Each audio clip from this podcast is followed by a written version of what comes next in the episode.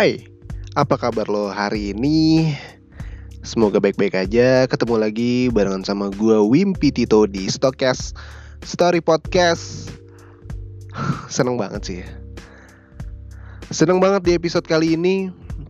Uh, gue mau membahas, nggak nggak pengen ngebahas ya, cuman pengen sedikit cerita story gue setelah menikah.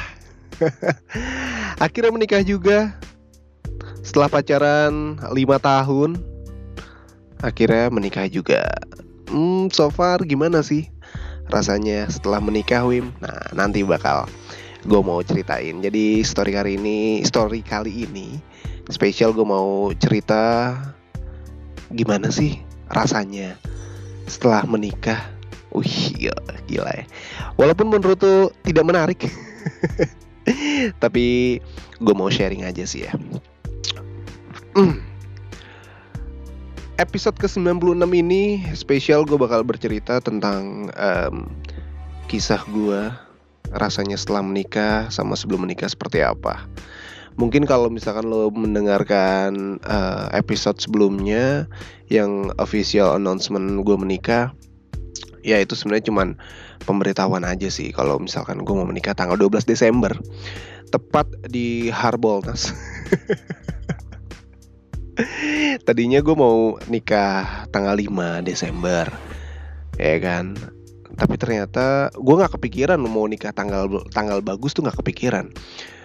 Karena uh, sebenarnya tanggal 5 adalah Kenapa gue milih tanggal 5? Karena tanggal 5 uh, uh, yang paling mendekati orang habis gajian. Itu objektivitas gue sih tapi ternyata cewek gue atau istri gue sekarang calon istri gue sebelumnya lah ya kan? Yang menentukan pengen tanggal 12 aja deh. Kenapa tanggal 12 ya kan? Eh ternyata tanggalnya bagus ya udahlah. Jadi uh, booking atau daftar di kawa online jauh-jauh hari. Eh dapet masih kosong. Kalau misalkan lu pengen uh, melihat uh, bagaimana sih ijab kabul seorang Wimpi Tito lu bisa cek di IGTV karena gue bikin live di situ waktu itu. Di Twitter eh Twitter. Di Instagram @wimpicaca ya lu bisa lihat di situ lah ya. Kalau misalkan lu pengen lihat uh, prewed gue dan juga uh, foto lamaran itu ada di situ. Nanti foto nikah gue juga update di situ tapi kayaknya gue juga bakal update uh, foto priwet gue di Instagram pribadi gue. Tapi nanti ya, gue masih mau ngedit foto nikah dulu. Jadi gue mau bertahap gitu. Wih, gila. Ya udah gue mau bercerita, uh, bercerita aja di episode 96 ini. Uh, akhirnya gue menikah di tahun 2020, 2020 uh, atau bisa dibilang tahun corona. Menikah di era pandemi. Yang bisa dibilang pernikahan gue biasa aja. Gue nikahnya juga nggak di gedung nggak di tempat-tempat yang instagramable banget ya kan? Karena zaman sekarang kayak nikah di outdoor ya kan? Terus juga nikah di gedung dengan konsep ini itu ini itu. Nggak gue nikah biasa aja. Karena gue cuman mengambil esensi menikahnya aja. Ya sebenarnya sih karena buat ngirit juga sih Nikah di era pandemi itu sebenarnya menyenangkan sih ya. Di balik lu nggak uh, nggak ngundang banyak orang, lu cuma ngundang orang terdekat aja, saudara, kolega, dan juga teman-teman seperjuangan, teman-teman yang ada di saat perjalanan percintaan lo karena kebanyakan teman-teman gue itu yang di kampus yang di radio jadi kalau misalkan lu melihat updatean uh, pernikahan gue kemarin kayak teman-teman gue doang sih ya yang datang. Ya teman-teman kita lah teman-teman kita saudara-saudara juga dan beberapa kolega dari orang tua. Nggak banyak undangan aja undangan aja ya. Undangan kayak 100 3 200 300an lah. Ya di saat orang lain ngundang 1000 ya kan paling enggak paling kecil 500 undangan gue cuma 300 aja. Ya teman terdek teman dekat saudara dan kolega terdekat itu aja sih. Karena gini di saat lo mau ngundang nikah itu pasti banyak banget yang lupa eh ini belum diundang ini belum diundang. itu pasti deh. Abis nikah oh, anjing gue lupa ngundang ini lagi ngundang ini. Ya itu udah biasa sih ya. Udah biasa terjadi. Tapi makanya uh, saran gue adalah ketika lu mau menikah lu lisin dulu deh nama-namanya siapa aja. Walaupun gue juga udah ngelis ya nama-namanya siapa aja. Tapi ada aja yang kelewat. Ya udahlah itu hal biasa. Dan buat lo yang misalkan uh, misalkan teman dekat lo nikah dan lo nggak diundang ya nggak usah baper. Berarti lo nggak diinget sama dia gitu aja. Ya akhirnya gue menikah juga di tahun pandemi. Uh, menyenangkan dan banyak yang salah fokus sama mahar pernikahan gue yaitu radio vintage. Kenapa radio vintage? Ya karena gue ketemu sama istri gue sekarang ya di radio gitu.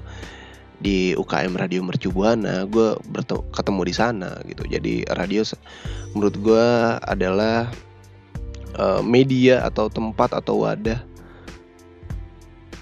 um, tempat gue bertemunya gue sama jodoh gue jadi menurut gue radio salah satu uh, hal terpenting dalam hidup yang gak bisa gue lupain gitu jadi gue pengen mengabadikannya menjadi mahar nikah wih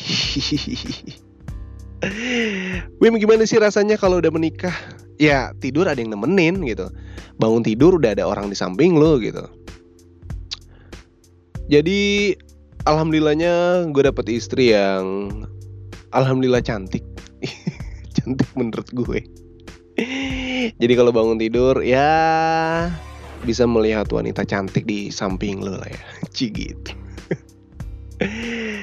Dan pasti banyak yang nanya lu honeymoon ke mana gue sih sebenarnya pengen honeymoon kemarin waktu di episode berapa gitu gue pengen honeymoon ke Malang tapi ternyata gue dapat harga yang cukup good deal banget jadi alhamdulillah berkesempatan honeymoon ke Bali. Selain kayak orang-orang ya kan? Lah kok lu bisa honeymoon ke Bali? Kan harus swab. Wah itu nanti nanti gue bakal ceritain. Jadi pertama kenapa gue honeymoon ke Bali, uh, eh, gue juga mau berterima kasih. Ini juga agent travelnya gue dapat dari istri gue juga, gara-gara ada promo menarik. Promo menarik, bener-bener sangat menarik banget dan kayak gue mendapatkan harga yang good deal. Jadi gue dapet eh, promo tiket pesawat dan juga hotel. Satu orang itu satu juta dua ratus lima puluh ribu.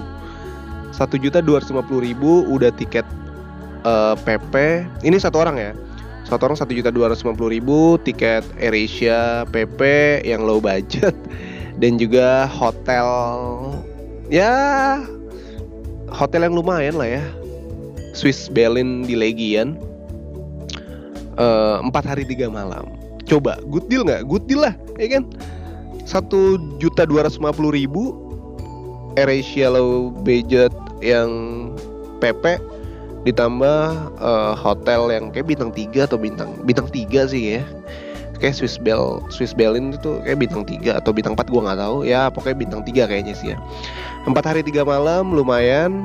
Dan uh, gua meng menganguskan satu malam di Swiss Bell jadi hari pertama dan malam pertama itu gue menginap di sebuah villa.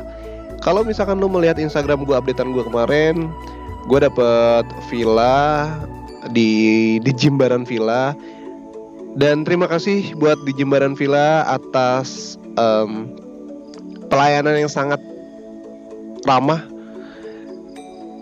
Pokoknya keren keren banget villanya keren.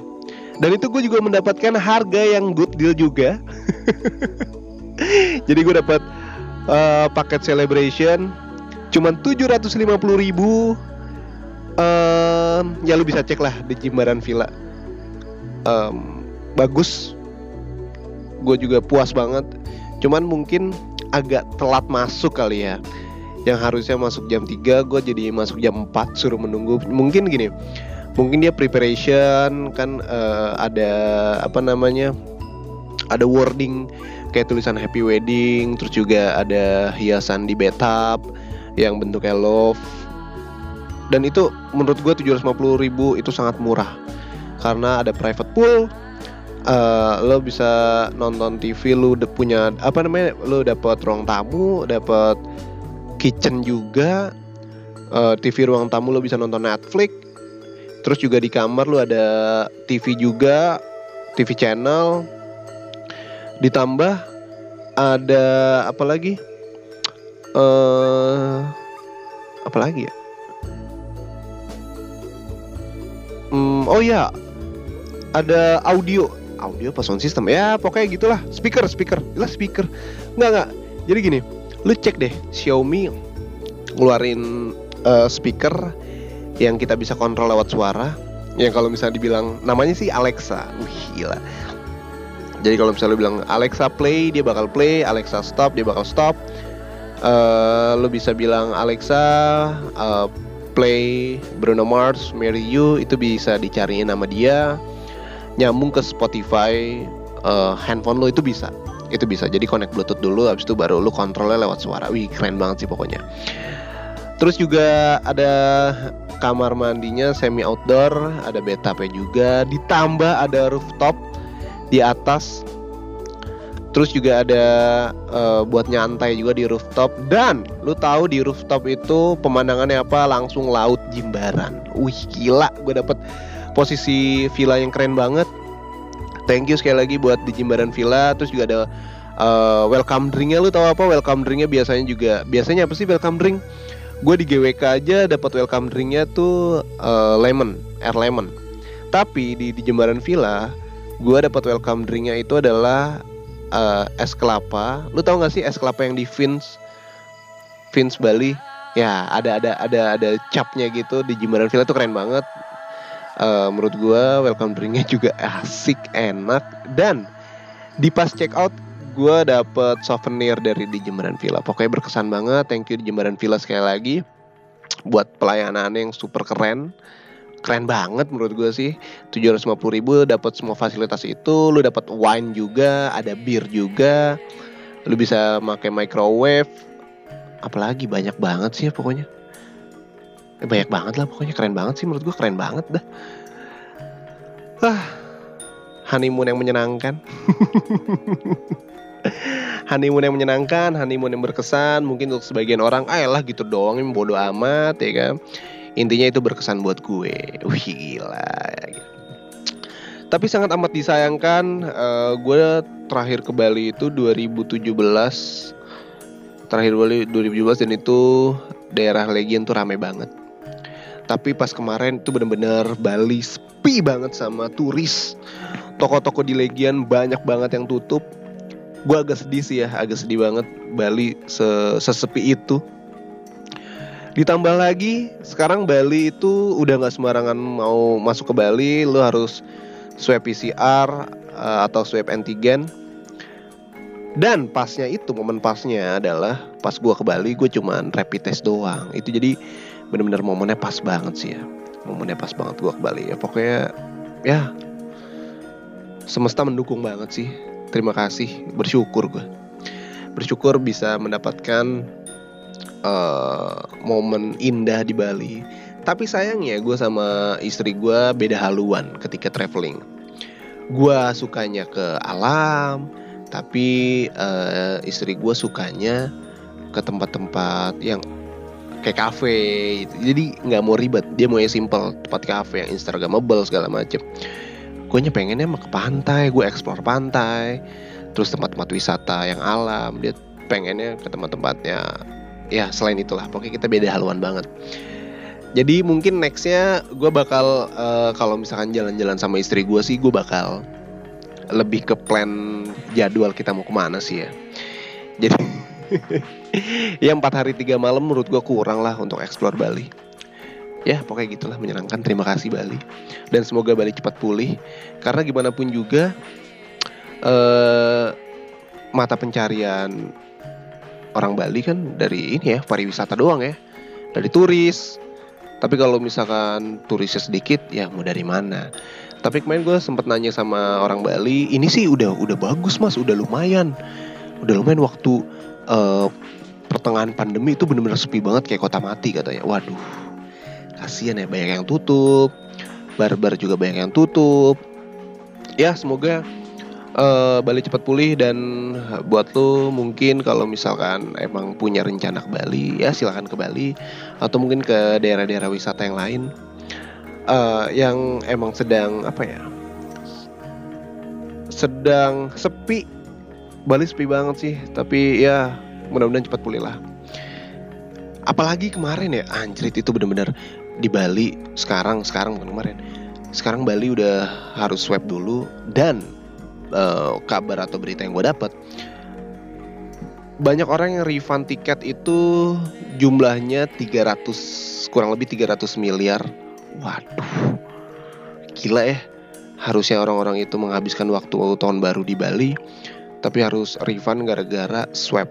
Ya iyalah sekarang swab uh, antigen aja tuh yang paling murah menurut gue eh yang, yang paling murah yang gue tahu 200 ribu. Satu orang kalau keluarga misalkan lima orang sejuta. Waduh. Sejuta loh. Yang harusnya itu buat uh, lu bisa belanja di sana jadi cuma buat swab doang. Itu antigen kalau PCR 900 ribu gila. Terus kata menteri Luhut juga bilang uh, pokoknya swab itu pakai dana pribadi nggak dibayain nggak dibiayain pemerintah. Kan uh, jadi gini menurut dia orang yang bisa naik pesawat berarti punya duit. Ya nggak semuanya juga kali pak. Kalau saya juga disuruh swab harus swab misalkan PCR juga hmm, lebih baik refund sih ya ya karena daripada untuk swab uh, mendingan untuk makan di sana tapi baik lagi ini demi mengurangi klaster Natal dan Natal dan tahun baru di Bali. Ya susah sih ya. Agak susah sih pokoknya. Mau nggak ditahan dengan swab tapi takutnya jadi klaster baru di Bali. Tapi uh, ditahan dengan swab ngerinya menjadi klaster baru di Bali nanti banyak yang positif ya serba salah lah pokoknya. Ya mudah-mudahan uh, pemerintah sih um, apa namanya dengan kebijakan ini tepat lah tapi kurang tepat mungkin buat penduduk Bali ya apalagi yang mencari uang emang hanya dengan turis gitu. By the way uh, ngomong-ngomong tentang pernikahan gua tiga hari lagi tanggal 21 anniversary Stokes wih Gokil. Yang keberapa sih? Kedua tahun. Stokes mau 2 tahun di tanggal 21 21 Desember. Jadi buat lo yang dengerin ini di tanggal 21 Desember dan seterusnya, Stokes genap 2 tahun mengudara di Spotify. 2 tahun menceritakan story-story orang yang tidak bisa menahan uh, apa namanya keluh kesahnya. Dua tahun mencoba konsisten walaupun akhir-akhir ini banyak yang bolong karena gue juga lagi prepare buat nikah. Tapi mudah-mudahan setelah dua tahun ini uh, Stokes akan uh, lebih konsisten lagi akan terus konsisten lebih tepatnya. Dan mudah-mudahan bisa konsisten juga dengan konten-konten barunya ya mudah-mudahan ya doain aja Stokes 2 tahun, gue harapannya sih apa ya? Lebih banyak yang mendengarkan, eh, lebih banyak yang mendengarkan podcast. Dan podcast sekarang kayaknya sudah menjadi media yang uh, lumayan mainstream di Indonesia. Banyak orang-orang yang bikin konten uh, yang sama dengan Stokes, tapi ya udah karena Stokes sendiri sudah punya pendengar sendiri, jadi gue tidak takut walaupun tidak banyak Uh, gue juga ngucapin uh, sorry kalau misalkan akhir-akhir ini stokes uh, kurang konsisten. Mudah-mudahan ke depannya stokes akan lebih konsisten lagi. Dua tahun gila ya. Mudah-mudahan sih akan berjalan dan berlanjut ke depannya sih buat stokes. Harapan gue seperti itu. Mungkin buat lo yang pengen ngucapin ulang tahun ke stokes bisa langsung DM aja ke @stokes.id. Um, episode kali ini tidak panjang kali ya. Um, mungkin episode kali ini nggak seru karena tidak membahas email yang masuk. Gue akan mencoba uh, membacakan email di episode selanjutnya aja di saat stoknya sudah 2 tahun. Ya semoga stoknya semakin banyak didengar aja. Ya udah, gitu aja kali ya. buat yang pengen punya rencana nikah gue berdoa semoga dipertemukan jodohnya dipercepat yang punya udah yang udah punya pasangan semoga di uh, semoga cepat dilamar semoga cepat dinikahi dan semoga buat yang cowok yang mendengar uh, yang mendengarkan ini ayolah cepet-cepet lah dinikahin lah pasangannya lah kalau misalnya udah yakin langsung ketemu orang tuanya lah. Langsung aja udah. Sekarang nikah tuh nggak nggak perlu mahal nggak perlu biaya mahal. Udah di saat pandemi gini ini udah paling tepat banget. Bener deh udah paling tepat banget. Next mungkin uh, baik yang nahan pernikahan karena ego. Pengen bikin acara pengen ngundang banyak orang tapi kayaknya uh, butuh waktu yang masih lama kali ya tahun depan kayaknya juga masih pandemi juga apalagi vaksin uh, baru datang dan katanya presiden presiden kita adalah orang yang pertama disuntikan vaksin dan bahagia kabar bah, kabar bahagianya adalah vaksin gratis. Terima kasih Pak Jokowi. ya semoga vaksinnya uh, berhasiat untuk orang-orang Indonesia. Karena yang ngeri kan gini sih ya, um, orang tanpa gejala itu paling ngeri ya. Apalagi dia yang menul menularkan menularkan or ke orang lain, dianya sih nggak bergejala. Cuman takutnya yang ditularkan itu yang bergejala karena corona sudah menyakit orang-orang sekitar kita orang-orang terdekat kita ya gue sih berdoa supaya sehat-sehat aja walaupun terpapar corona tapi tidak bergejala semoga sembuh dengan sendirinya um, apalagi ya semoga Indonesia cepat pulih dari corona. Amin. Fuck you corona. Yaudah kalau begitu gue pamit kali ya. Gue cuma mau bercerita aja. Um, kebahagiaan gue setelah menikah. Seneng banget sih. Dan gak nyangka sih ya masih masih kayak gak nyangka anjrit. Gue tidur udah sama orang nih.